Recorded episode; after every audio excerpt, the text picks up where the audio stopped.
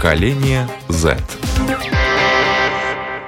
Всем здравствуйте, с вами Марина Талапина, режиссер программы Даниэль Йофф. И спасибо, что слушаете нас. Я напоминаю, нас можно слушать уже практически на всех платформах, включая Spotify, Google и Apple Podcast. Также на сайте YouTube нас можно видеть, и можно видеть и слышать нас на нашем любимом сайте lr4.lv. Кликайте нас, лайкайте нас, пишите нам темы, предлагайте, мы обязательно их озвучим в нашем эфире. И я рада, сегодня мы встречаемся общаемся с ребятами, с которыми уже частично встречались полгода назад. У нас была программа «Тук-тук, кто в ТикТок-теремке живет?»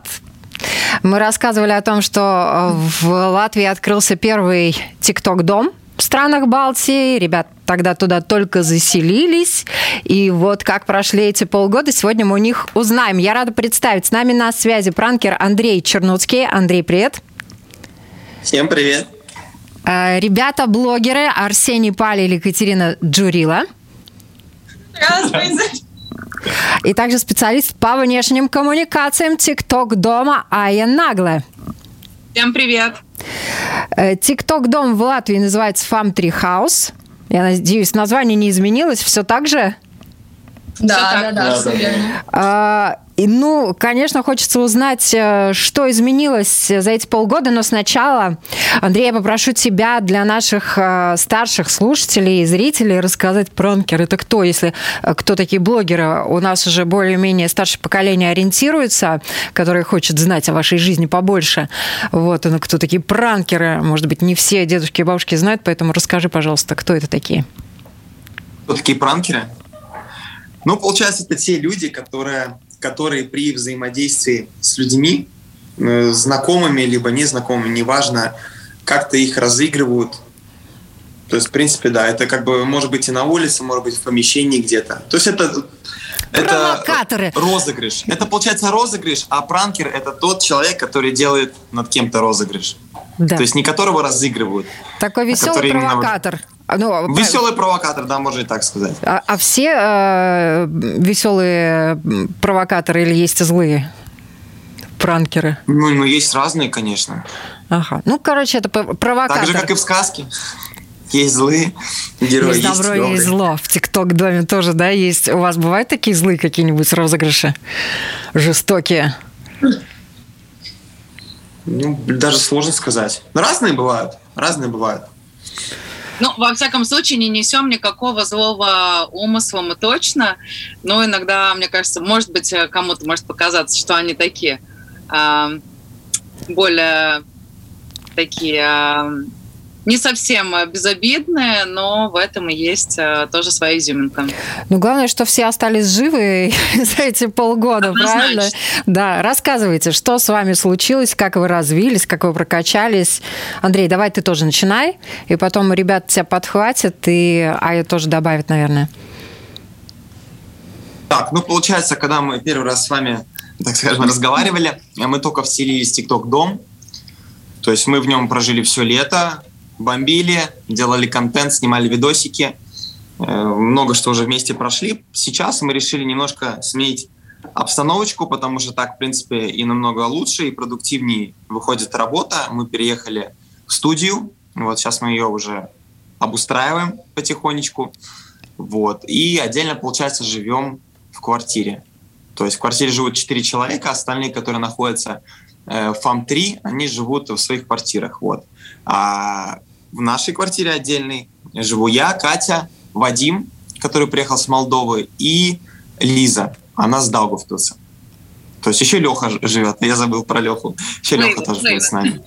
Флейва, да. Флейва Леха, он из Балдерая сам и живет вместе с нами, чтобы ему не надо было, получается, каждый раз час ехать до нашего дома. Вот. А остальные, в принципе, поблизости живут, поэтому они могут со своей квартиры прям приезжать в студию, получается, вот. По контенту что э, произошло в ТикТоке? Нарастили массу э, лайкеров, э, как много видосиков вы выложили, сколько у вас там всего? Сколько всего, мне кажется, я так приблизительно могу сказать, это в районе, наверное, 400 видосов у нас уже есть. 400 видосов, да, получается. За я правильно полгода, сказал, да? Да? да, примерно да. Примерно 400 видосов мы сделали в принципе, можно, я думаю, изначально по нашему каналу FAM3 понять, то, что мы, в принципе, не было такого, что мы создали FAM3 канал в ТикТоке и сразу какой-то прям э, с лютым монтажом начали делать контент. То есть, в принципе, видно, вот, что мы по ступенечкам, по ступенечкам сами учимся монтировать видео, и контент становится намного качественнее и качественнее. То есть это и по картинке видно, то есть мы научились, как, допустим, свет делать, как еще, как правильно снимать, с какого ракурса, то, что вот э, через микрофон еще можно делать. Потому что изначально, когда мы приехали в, э, дом, э, когда мы в доме жили, то мы, в принципе, многих моментов не знали, и, в принципе, как это даже структурировать в плане вот, что есть человек, который ведет отдельный инстаграм истории, есть человек, который ответственен, не знаю, за инстаграм, это за посты, надо же посты же писать, тоже Короче, описание. вы построили дом с нуля, можно сказать, вот этот ваш То есть онлайн. мы с нуля, да, то есть мы с нуля Домик, все это да, прошли. все, вы по новой выстраиваете. Ребят, чему вы научились? Арсений, Катя. Ну, конечно же, в первую очередь это сплоченной команде, именно работать в команде, потому что раньше как бы я только, наверное, в школе сталкивалась с какими-то совместными проектами там школьными, чтобы делать что-то вместе. Потому что тоже делегировать обязанности это очень важно, чтобы все не накладывалось на одного там двух человек. Вот. Но это, мне кажется, самое главное, чему я научилась, конечно же, коммуницировать с людьми, также посторонними, а также когда мы снимаем интервью, какой подход к ним искать, потому что все люди разные, и как бы к некоторым нужно как-то по-другому подходить, то есть мило, мило, мило. Вот. Потом а, что же еще такое? Конечно же, это весь опыт ведения Инстаграма, ТикТока, в контенте. На самом деле, столько всяких инсайтов. Кстати, у нас скоро будет наш курс, который мы будем делать совместно с FAM3, где будут все наши фишки, лайфхаки какие-то, как построить свет, как поставить картинку, как заснять, как смонтировать. То есть это тоже будет интересный продукт. Короче, вы хотите уже и у режиссеров хлеб отбирать, зарабатывать на их Конечно. Специализации. Слушайте, вы смотритесь как пара такая семейная, причем из 80-х, 70-х. Вы такие сидите, такие красивые. Ну, не тут-то было. В жилеточке, да. Ну, развейте сразу миф. Или опровергните, или подтвердите. Это так или не так? Нет. Нет. Просто красиво смотритесь рядом, да? Ну вот реально надо сделать такой скриншот, вы такая пара такая семейная из 90-х. Не, на самом деле, так развеять миф, то мы с, Андре... э, с Арсением просто друзья, а пара мы с Андреем. Ага, Андрей. А почему? Да-да, я тут, я тут. Почему вы не в одном окошке-то? Ну, то так вот как-то Потому что решили. работа, работа, личные отношения э, вне работы. Ох, а почему Ая говорит вместо Андрея? Вот мне интересно. А я, я, я поддерживаю, я, в принципе, мне добавить нечего. Подхватила, подхватила. Слушайте, ну забавно. Интересные у вас отношения в ТикТок-доме. Хорошо, продолжаем. Так, Так они же просто рядом с друг другом сидят, я же не вижу Я, ничего а я, а я, я, я ничего не говорю, я говорю просто интересно. Э, Давайте, Арсений, ты подхватывай. Катя уже сказала, что и как, Да. и куда у нее за эти полгода случилось. Все, она уже режиссер ТикТока. А Да. а у тебя что? Да, ну вообще могу сказать, э, во-первых, подтвердить все слова э, и Андрея, и Кати, то, что лично я научился очень многому чему, потому что поставить свет, поставить кадр — это на самом деле огромная работа. Э, да даже я когда раньше снимал, я не писал никакие сценарии, это было все... это была все импровизация. Сейчас же я понимаю то, что чтобы заснять ТикТок, надо подготовиться где-то хотя бы полчаса, прописать мне полностью весь сценарий, поставить свет, и только тогда получится реально качественный продукт, который захочется смотреть, и поэтому я на самом деле очень благодарен вообще FM3 House за то, ну, за данный опыт и за мои знания, которые я получил здесь. Но эти знания вам Да. тоже кто-то дает? Есть у вас какие-то учителя? Кто вас всему этому учит? Ну, на самом деле, как бы так не звучало, но мы сами себе учители, потому что мы развиваемся, тоже смотрим других блогеров, других тоже, кто ведет контент, что в Инстаграме, что в ТикТоке, и как бы мы, например, видим какой-то монтаж, и как это сделать, и как бы просто ищем, как это сделать. Даже яркий пример тому это Андрей, потому что Андрей начал самый первый снимать вообще ТикТоки. Я тогда просто чисто там снимала, вот так вот ходила там в пранке, и монтажную программку он освоил сам, то есть он сам все искал, как делать какие-то всякие такие штучки. Переходы. Да, переходы, потому что раньше, когда смотришь, ну, ну, там профессионалы, наверное, занимаются. А когда мы понимаем то, что даже сейчас на таком уровне, на котором мы находимся, мы можем сделать уже половину монтажа, ну, вот именно прям такого профессионального, то это уже супер. Но все равно дальше больше. Да. Но результаты можно оценить э, по количеству просмотров, как минимум, да, по количеству подписчиков. Вот как за эти полгода э, у вас прибавилось, сколько народу э, к вам присоединилось? А может быть, вы ответите на этот вопрос? А, добрый день. Ну, а, я скажу, что, наверное, за последние полгода ребята меня могут поправить, но, мне кажется, в районе трех а, миллионов подписчиков у нас сейчас находится в команде общей сложности. То есть все растет просто в геометрической прогрессии. Ребята вообще дикие молодцы, потому что они работают с утра до вечера с горящими глазами, им это нравится, и мне кажется, что это такой кайф, что они могут Э, грубо говоря, свою работу э, совмещать. То есть это они э, занимаются тем, что им нравится, и это превращается в работу. И э, мне кажется, то, что несколько раз у ребят за последние полгода увеличили, увеличилось э, число подписчиков. Э, Арсений, когда приходил, присоединялся к нам в команду, чтобы не соврать, это был конец апреля, да, а, то есть Арсений приходил где-то с 20 тысячами подписчиками, сейчас в районе 70 у него, 50, Катя тоже очень сильно выросла. Что? Уже 74, пока 74. мы разговаривали. Да, у Кати очень э, большая аудитория выросла, а про Андрея вообще нечего говорить, потому что вот-вот у него будет э, миллион подписчиков на канале, мы этого очень ждем, поддерживаем. Вы будете это отмечать? Обязательно. Конечно. А, я... Это реально событие. А, да. Можно я буду на «ты»? Да? Конечно, конечно. А, ты сказала, что они не просто молодцы, они дикие молодцы. Слово «дикие» почему применимо по отношению к ну, этим ребятам? Я скажу так, что ребята вообще, мне кажется, учатся, знаешь, как говорят, э, на каких-то работах год за два, так у нас в ТикТок-доме год за пять, потому что э, ребята находятся в таких условиях, э, взрослых условиях, несмотря на то, что они э, еще там молодые, не хочу говорить там слово дети, но ребята еще ну, молодые. Ну, дети, но... дети, ладно, можно я то точно могу называть их детьми. Э, э, так э, много на них сейчас взвалилось обязанностей, им столько надо выполнять задач, то есть они вообще выполняют несколько профессий, да, как ребята уже говорили о том, что они и должны, они и сценаристы, они и режиссеры, и операторы, и монтажеры, то есть они занимаются блогингом, да, своим личных аккаунтов. То есть они делают огромную работу, э, которую в других компаниях выполняют э, целый штат. Да? То есть, а сейчас ребятам, которым там по 18-20 лет, э, за полгода, то и меньше, пришлось просто выучиться и освоить все эти навыки. Поэтому это вообще дорогого стоит, и уверена, что они очень пригодятся им в будущем и только будут помогать им. Ну, самое классное, что вы помимо того, что живете в ТикТок-среде, да, в ТикТок-доме, студия у вас уже появилась, квартира у вас уже появилась, э, вы еще и работаете, ну, реально работаете, не просто работаете, вы зарабатываете деньги, правильно? Вот с зарплатами, что у вас, что у вас с зарплатами? Сколько вы уже получаете? Когда вы уже миллионерами станете или, может быть, уже стали? Нет, к сожалению, миллионерами пока что не стали, но мы, э, мне кажется, идем э, в правильном направлении.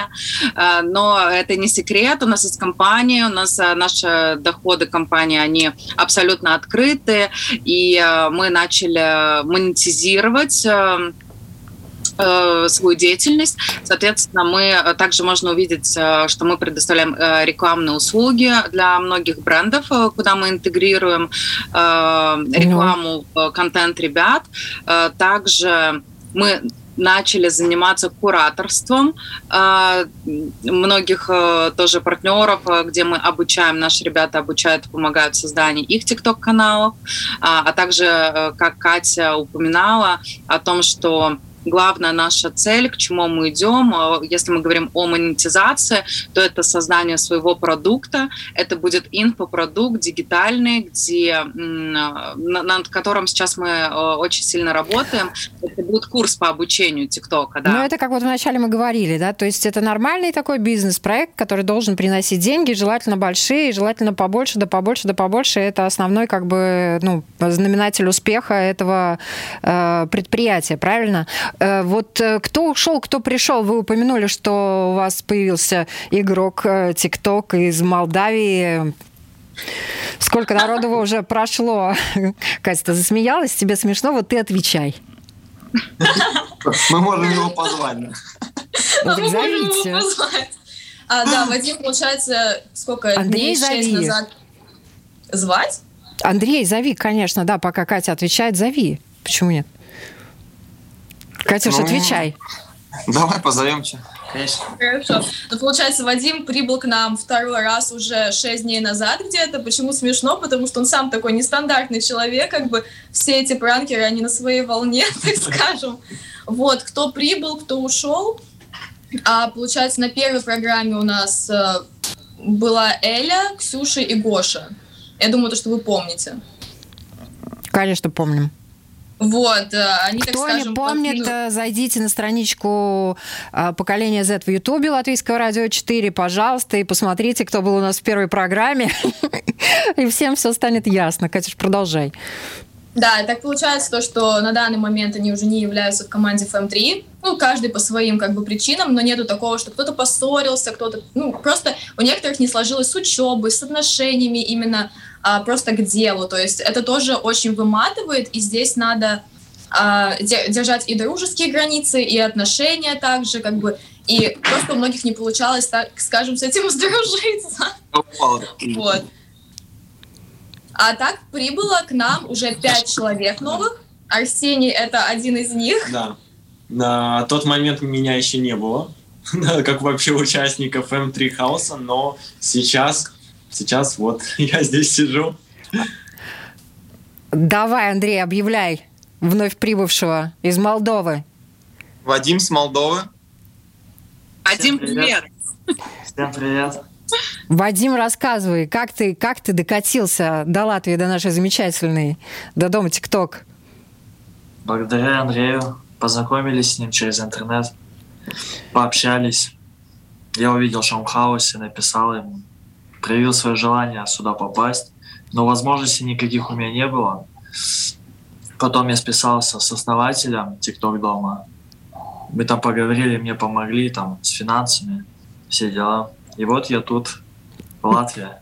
Ну, неделя, конечно, не показатель, 6 дней только ты здесь, в Латвии, да, и хотелось бы, наверное... Нет, это второй раз 6 э, дней. Он уезжал, он а. приезжал к нам первый раз в мае, он здесь был до конца августа и уезжал просто на несколько недель, а, Так ты уже бывалый тиктокер латвийский, уже можно все, тебя уже вид на жительство, наверное, давать, э, ты, ты уже все, ты уже здесь прописан, можно сказать. Ну, тогда рассказывай, как ты себя чувствуешь э, в наших краях, на нашей родине, любимой Латвии? У вас тут замечательно. Макдональдсы Рад... есть, Ух. которых у нас нет в Молдавии. То есть, да, он первый раз тут попробовал Макдональдс. Трамваев у них Нету, нету. вообще. Да. Низко... Троллейбусов. Низкопольных или вообще трамваев нет? Вообще трамваев нету. Ни Макдональдс, ни трамваев. Что ни троллейбусов даже слитых нет. Это главные показатели города. Ну, для меня это да. То есть море он ни разу не видел, море он первый раз видел. Подожди, ты из Молдавии и из какого города в Молдавии? Приднестровская Молдавская республика. Это ага. государство отдельное от Молдовы. Тирасполь, да? Столица Тирасполь там идет. Но она полностью государство Приднестровская Молдавская республика называется. Ну, в Латвии тебе понравилось? Ты девочку, может быть, себе какую-нибудь уже нашел, красивую, наш латвийскую? Может быть, уже жениться собрался? А почему нет? Еще нет. Может, попозже. Но тебе у нас здесь нравится и нравится работать в том числе, правильно? Да, да. А своих перетаскивать не собираешься, как это бывает? Такую молдавскую а диаспору у нас в Латвии э, основать. Нет, ну почему? Родственников, маму, папу, бабушку. А, мне кажется, они не захотят. У них там свой бизнес. У них там свой тикток-дом? Им достаточно, да? Можно сказать и так. Все, ясно. А вообще э, хочется, конечно, спросить э, вас, вот э, другие ребята, не только из Молдавии, может быть, из других стран, тоже стремятся к вам попасть? Есть много желающих вообще попасть в ТикТок-дом, наш латвийский АЯ? Да, вы знаете, мы получаем заявки из Эстонии, из Литвы ребят, также из разных городов Латвии. За последние, наверное, 3-4 месяца мы э, со многими ребятами встречались, и они приезжали и пробовали себя э, в роли блогеров, но обратная сторона э, всей этой красивой как будто жизни и работы состоит в том, что здесь действительно надо работать много, поэтому многие ребята, которые, у которых были какие-то представления, они развивались, когда они приезжали э, в реальность, да, и сталкивались с реальностью. Э, но вот у нас есть, да, вот несколько ребят, э, тоже у нас были из Эстонии участники, которые какое-то время были в нашей команде, но потом по разным обстоятельствам э, они покинули нашу команду. Но, конечно, заявки такие приходят. Ну, давайте для того, чтобы наши зрители погрузились, буквально пару слов. Вот с чего э, день начинается и чем он заканчивается. Андрей, давай ты. Во сколько ты встаешь? Во сколько ну, ты вот будешь? Встаю. Готовишь ли ты завтрак? И когда начинаете готовит, вы все это снимать? Готовит. Э, в принципе, как? У меня, ну, лично у меня как день начинается. Я встаю примерно 8-8.30. Э, сразу же я умываюсь, запускаю трансляцию в ТикТоке и параллельно готовлю завтрак. Обычно завтрак это каша. Честно, я в детстве вообще кашу не любил, никакую вообще, не знаю. Мне каша ассоциировалась почему-то с такой молочной пенкой, и она такая ну, противная, не знаю, вот как будто, знаете, молоко перекипело, мне вот эта ассоциация с кашей была, я ее вообще не любил. Сейчас что-то распробовал, как-то понравилось, поэтому теперь каждое утро э, я Каша готовлю себе, наверное, овсянку. Да? Это овсянку, овсянку готовлю. Манку тоже полюбил, но, не знаю, как-то овсянка мне попривычнее стала. Вот, и параллельно веду трансляцию, просто общаюсь, э, получается, с своими подписчиками. Где-то час-полтора. Потом уже и покушал, в принципе, и приготовил. Все, э, заканчиваю трансляцию, собираюсь. Э, либо мы едем с Вадимом или с Катей, или еще с другими в город снимать, либо в, офис, либо в студию. Вот, одно из двух, в принципе. То есть, либо я снимаю тут какой-то контент в студии, либо на улице уличный. То есть, я снимаю не только пранки, как, э, как ты сначала меня спросила, я также снимаю интервью, сейчас новости начал снимать, вот что-то полезное, так скажем. А с кем ты уже вот, ну, пообщался, ну, у кого ты уже взял интервью? Я интервью не спрашиваю, так скажем, звезд, да, я просто подхожу к... К простым людям. К, к обычным простым людям, да, то есть ну, разговорить народ вопросы. на улице, я как бывшая новостница скажу вам, это непросто. Вот. И нормально, быстро все готовы давать интервью, рассказывать о своем наболевшем личном. Не, ну, ну как, поначалу, мне кажется, каждый велся на интервью, то есть каждого, ну, не то, что каждого, то есть мы тоже, в принципе, выбираем человека для интервью. Нет такого, что я каждому прохожему говорю, и можете на пару вопросиков. То есть, смотря какой у меня вопрос, тоже это идет как своим родом анализ. То есть для такого вопроса подойдут, допустим, такие люди, для другого вопроса... А какие другие. вопросы, есть, ну, какие опросы ты задаешь, э, что ты спрашиваешь, какие темы тебя волнуют? Ну, ну разные. Есть, допустим, э, как, например, что-то мнение просто по какому-то поводу, к примеру, я даже не знаю, что, что тут Самое любимое, давай. Нет, э, в основном задаю как бы пошлые вопросы, потому что, как по мне, э, людям интересно на, на них узнать ответ какой-то. Слушайте, ну давайте для я... примера, э, ну, конечно, там про процензурируйте, пожалуйста, потому что у нас латвийское общественное радио, и мы все-таки блюдем.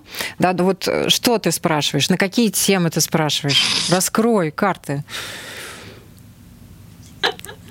Я просто пытаюсь как-то сформулировать так, чтобы Корректно, я передаче это было так Приемлемо.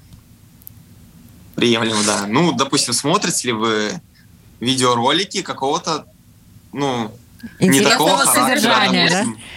не Все. такого характера, да, там, мне отвечают, допустим, да, я говорю, почему, то есть идет вот такой вот, как бы не просто мне ответили да и все, то есть я на каждое интервью пытаюсь, так скажем, выжить из человека как можно больше информации. Вот. из-за этого со временем люди уже, я подхожу, мне кажется, меня уже даже стороной обходят. То есть э, есть такое, что вот видят, о, Андрейка, все, по сторонам меня так обходят. Некоторые наоборот за, чтобы показаться в ролике. То есть также я спрашиваю у детей вопросы, но там другого характера, конечно, более детские вопросы какие-то. серии, на что ты потратишь свой первый миллион, да, ну, э, очень смешные ответы бывают, какие-то искренние там, или э, что бы ты сделал, э, если бы получил миллион долларов, допустим, помог одной африканской семье, либо, не знаю, оставил бы себе. То есть, ну, вот такие всякие вопросы тоже задаю.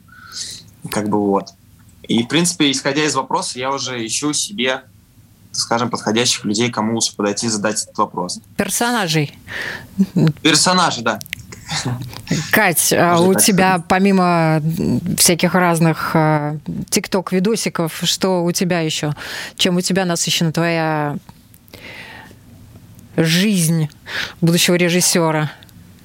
Да, в принципе, я думаю, так э, скажет каждый из нас, то, что кроме ТикТока у нас особо таких интересов и нету, потому что здесь нельзя так, то, что ты отучился и как бы узнаешь все. Здесь каждый день появляется что-то новое, и как бы тоже пробовать в своем кон- контенте что-то новое всегда надо, потому что тоже что-то надоедает, что-то появляется новое, может зацепить но- народ, тоже, чтобы к тебе пришли другие люди. То есть, как бы, в принципе, каждый день мой состоит из того, то, что я ищу, придумываю идеи, расписываю их. Также, конечно, после этого идет съемка, нужно где заснять, тоже если это интервью, какие люди нужны, какое место для этого нужно. Тем более сейчас у нас погода в Латвии не очень хорошая, поэтому с интервью немного трудно бывает.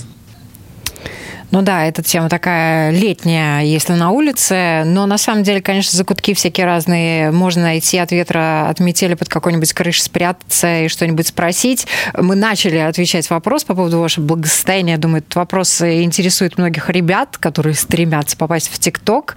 По поводу э, ваших зарплат, то, что вы можете сказать, я не знаю, если вы не можете назвать цифру, то, может быть, расскажите, на что вам хватает, на что вам не хватает, чтобы наши слушатели, зрители поняли вообще, оно стоит того стремиться к вам в ТикТок дом. Хорошо зарабатываете. Ну, получается так, что у нас фиксированной заработной платы нету, есть именно постепенные рекламные интеграции. То есть, когда вот есть э, рекламная кампания, э, мы получаем с этого, конечно же, нашу зарплату. Когда есть тоже проекты и так далее, как бы у нас их немало, не поэтому как бы деньги есть, как бы на все хватает, но даже если есть такие моменты, что на что-то не хватает, нам всегда помогут вот именно а, в финансовом плане, там, на одежду, на что-то нужное, вот, наш э, основатель. А по, помимо, помимо еще рекламы... То есть крыша есть, одежда есть, еда да. есть, и на карманный расход тоже дают. Все отлично. Конечно. Да, и помимо рекламных кампаний еще идет заработок с трансляцией в ТикТоке.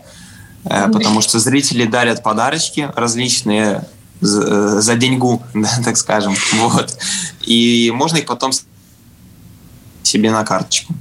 То есть вот, но TikTok забирает э, какое-то процентное соотношение, около 50% себе, а остальную сумму, получается, ты чистым получаешь как свой заработок за трансляции. Короче, жить можно в ТикТок-домике. Можно, можно, конечно, еще как можно. Что как можно? А... Если работать будешь. Но ты-то приехал сюда работать из Молдавии, правильно, а не Ваньку валять? Конечно, конечно. Как к вашему занятию относятся близкие? Арсений, ты заскучал. Да, Ну-ка, ну... Ответь нам. Ну, вообще, собственно, мои родители меня поддерживают, поддерживали всегда на протяжении всей моей жизни. Э, единственное, конечно, поскольку я сейчас учусь в 12 классе, я вот сейчас буду заканчивать, э, мне пришлось перейти на дистанционное обучение, и на самом деле могу сказать то, что это даже лучше, я могу сказать, переходи сейчас на дистанционное обучение, поскольку... Э, Реклама! Не, на самом деле пока непонятно, что с коронавирусом. Я могу все свои силы потратить на ТикТок, э, потратить э, на Fem3 House и здесь развиваться, потому что я вижу за этим будущее. И, естественно, как бы родители сначала не были э, радостны. В восторге, этому. я думаю, да? Да, в восторге. Но после того, ну, через некоторое время, естественно, они смирились и теперь меня тоже поддерживают. И поэтому У но... меня вообще хорошие взаимоотношения. Э, но мотивация, ты говоришь, что кидаешь э, все силы на ТикТок, а на учебу что остается? Нет, конечно, на, учеб... на учебе тоже, но просто дистанционное обучение не забирает настолько много времени, насколько забирало очное обучение. Но нагрузка да. там легче, да? Да, нагрузка легче, и вот именно из-за этого. Но Потому диплом что ты планируешь могу... получить, и, соответственно, потом думаешь куда-то поступать, или нет, пока не думал, куда поступать? Пока еще про это я не думал, но посмотрим, как э, сложится через полгода. Посмотрим, угу. что будет. Катя, Андрей, вы тоже расскажите о вашем образовании, чтобы не складывалось у народа впечатление. Ну тогда давайте я начну. Давай. Я закончила 12 классов, я пошла потом учиться в университет, я там отучилась один год, и все. Потому что мне просто не зашла моя специальность, а потом уже подвернулось так, то что а, мне не, у меня не было времени на учебу, потому что появился TikTok дом, и как бы я тоже не могу сказать то, что а, учеба не важна, но на данный момент как бы я хочу себя пробовать развить в этом плане, потому что если у меня здесь выгорит, то у меня получится потом, как сказать, у меня все равно будет время, когда можно отучиться, и сейчас мне как бы это не надо. Но я не говорю, что высшее образование не нужно, это важно, но сейчас на данный момент просто нет необходимости, а потому какая, что я не собираюсь... Какая специальность а? тебе не зашла? А это получается предприниматель, э, экономист. Ага. Андрей. Да, я, получается, в этом году закончил высшее образование, э, учился в ИСМе. Вот, ну как закончить? Я бы сказал, бы, чтобы, наверное, большую часть э, моей дипломной работы сделала мне Катя, помогла, поэтому так можно вот сказать, кто что получил фактически то, образование. Что получил высшее образование, это Катя как раз-таки, да, потому что я из-за того, что не было времени, я особо к работе даже и не, не притрагивался, если прям честно так говоря, я вообще не притрагивался к ней. Вот, я просто посмотрел, ответил, защитил, диплом получил. То есть вот так, а как я, можно сказать, про пранкер. Э, учился я на ресторанный менеджмент, то есть это, получается, идет 4 года бакалавра. Вот. То есть, ну, потому то есть, что я что до ресторанный TikTok бизнес работал... точно сможешь пойти, правильно? Уже корочка точно есть. Смогу, конечно. Да. Потому что я до ТикТока работал в ресторане, то есть мне очень нравилось вот это все, все, вся движуха. Вот. И потом, соответственно, начал учиться на, на это дело, но потом появился ТикТок и все, и, все пошло по-другому. И ты нырнул туда. Да, вот да. ТикТок, я так, вы так об этом заразительно рассказываете. ТикТок это все для вас на сегодняшний момент, по крайней мере, это здорово, быть увлеченным настолько своим делом. Вот. Но, Ая, а, для тебя это однозначно работа да, такая вот не просто хобби, увлечение, такой серьезный, конкретный, э, объем обязанностей, ответственность. Вот э, ТикТок для тебя это очень интересный такой человек, э, который непосредственно занимается административной даже отчасти работой, да, организует какие-то вещи. Как это? Ну, я скажу так, что могу однозначно сказать, что у меня, я считаю, что у меня не больше работы, чем у каждого из ребят. У меня она просто другая. Ребята э, работают в более творческом, креативном направлении, я в чуть-чуть другом, больше более коммерческом. А, у меня основной э, бизнес, э, у меня свадебный салон, я успешно уже работаю больше пяти лет, а, э, но свадебный салон – это офлайн бизнес. К сожалению, его практически невозможно перевести в онлайн, что требует, наверное, сейчас наш рынок. А TikTok и э, весь проект FAM3 э, – это это то направление, за которым будущее, и мне это очень э, привлекает, и мне это очень нравится. Мне нравится сама платформа, мне нравится то, что мы с командой одни из первопроходцев в этом направлении. То есть это все очень, очень интересно, все очень классно, и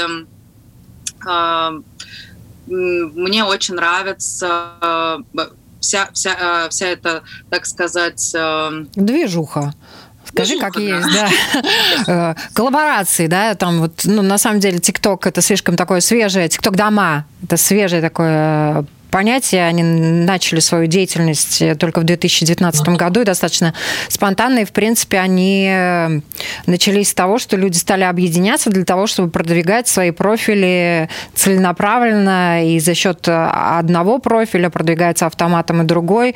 Все вместе дружно живут, что-то показывают. И, да, это кол коллаборация, уважаемые друзья. Или сотрудничество по старинке.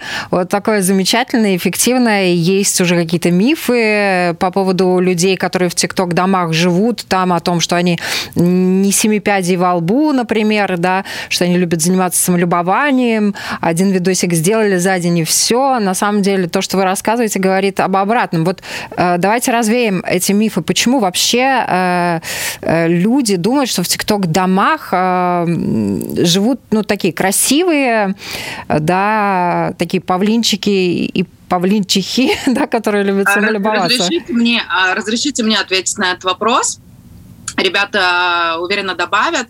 Но смотрите, формат TikTok дома, он придуман не от того, что друзья хотели просто пожить вместе и потусоваться, и поснимать, и полюбоваться. Нет, алгоритмы TikTok работают таким образом, чтобы Э, надо производить достаточно много, большое количество контента для того, чтобы у тебя был актив, и для того, чтобы ты попадал в рекомендации, и вообще твой профиль был релевантным. В принципе, именно для этого создаются TikTok дома, где люди вынуждены практически жить, потому что они должны создавать контент с утра до вечера. Поэтому э, ребята совмещают э, такое приятное с полезным, они там и живут, то есть им не надо там, грубо говоря, никуда есть, и создавать контент.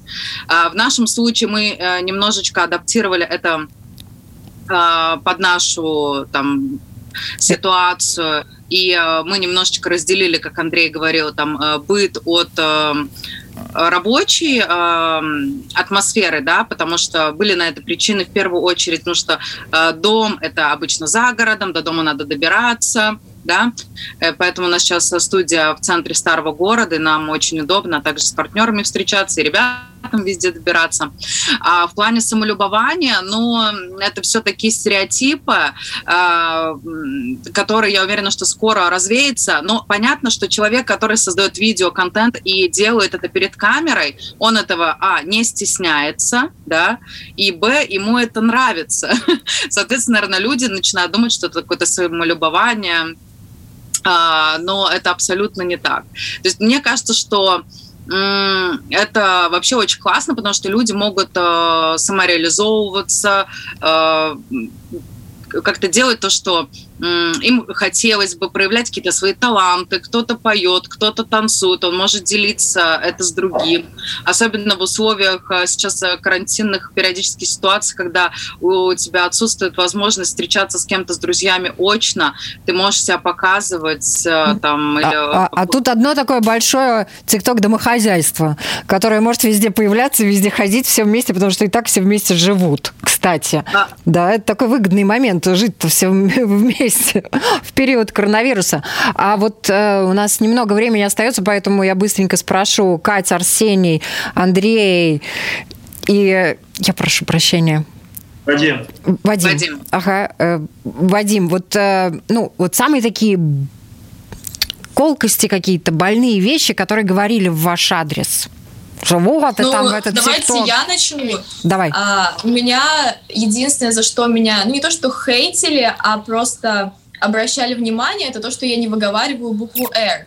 И есть такой момент, то, что я могу выговорить а, мягкую букву, то есть сказать «привет», там, выговорить, а вот твердую я не могу. И все всегда писали то, что «что ты врешь», там, зачем ты там нас, так скажем, обманываешь то, что ты просто делаешь на этом контент, а не реально так разговариваешь. А я не могу по-другому. И как бы я не обращала на это внимание, но это единственный момент, за что зацеплялись другие люди, но и все равно мой контент тоже немного основан на том, что я вывожу людей на комментарии и тоже а, как записываю определенные видео, где читаю скороговорки, прочитываю какие-то чисто, чистоговорки, кажется, тоже они называются, а, где ярко выражена буква «Р», и они с этого как кому-то нравится, кому-то нравится, кто-то смеется, кого-то бесит, кто-то отписывается, типа. И как бы с этого тоже создается, так скажем, актив на моем канале.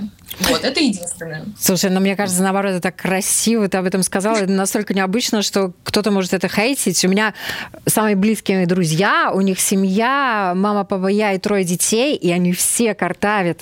И мне кажется, это так здорово. Вообще, э, Арсений... и тут.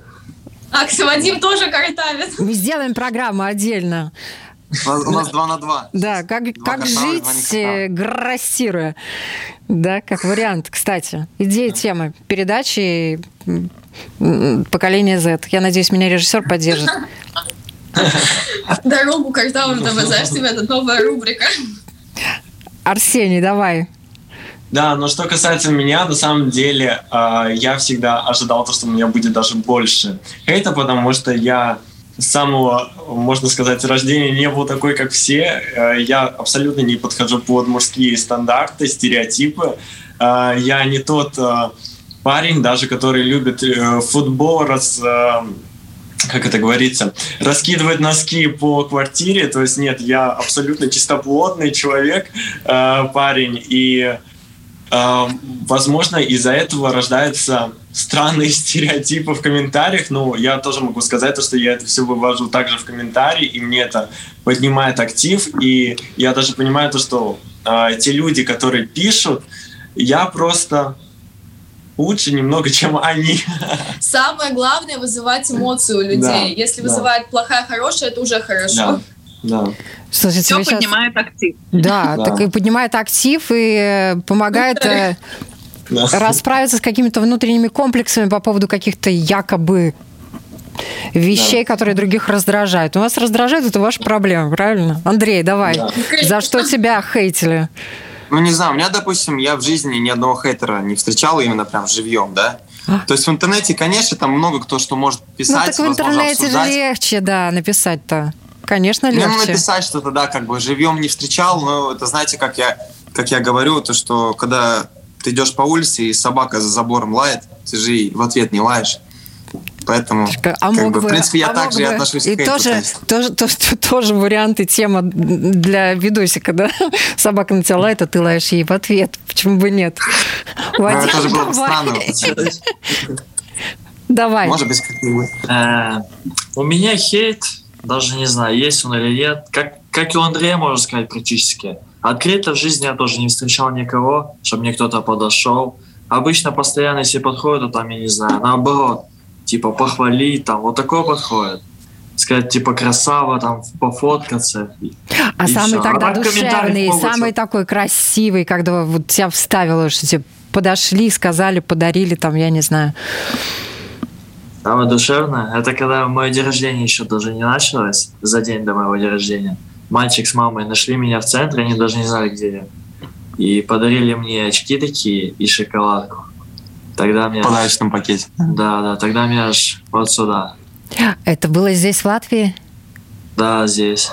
Это, то есть у тебя есть уже такие классные латвийские поклонники, мальчик так у нас, и да, у нас же все летом да. И нам и попыты дарили. Ну, это детские такие штучки, которые лопаются. Ой, вот, да. Резиновые. Я знаю, Попыты что нам от часто дарили, потому что у всех детей они при себе всегда, и вот они вот встречают нас, хотят, возможно, как-то вот нам приятное сделать. Да. да, еще у нас было такое, что я трансляцию дома проводил, а, пару детишек знали, где я живу, и получается, я на трансляции говорю, блин, молоко забыл в магазине купить. И получается, через э, пять минут э, мне звонят в дверь, и два маленьких мальчика две пачки молока принесли в Оскаре. Вот ты говоришь, что я молоко забыл купить. То есть был такой случай тоже прям, что прям в двери звонили. Ну, это где-то с соседнего подъезда, видимо, дети были. Ну, а для вот, детей вот, вообще купить, ты сказал, была. ты самый дорогой вообще. Это тренд сейчас. Если они тебе подарили это, это считай признание. Ну вот, поэтому вот и есть такие тоже приятные моменты очень. Ну, дай бог вам побольше таких приятных э, моментов, и спасибо вашим хейтерам. Они делают вас сильнее.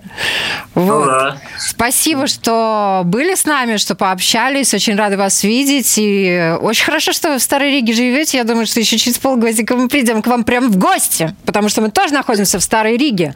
Все, счастливо Будем всем. Ждать. Будем ждать. Все, спасибо. Пока. До свидания.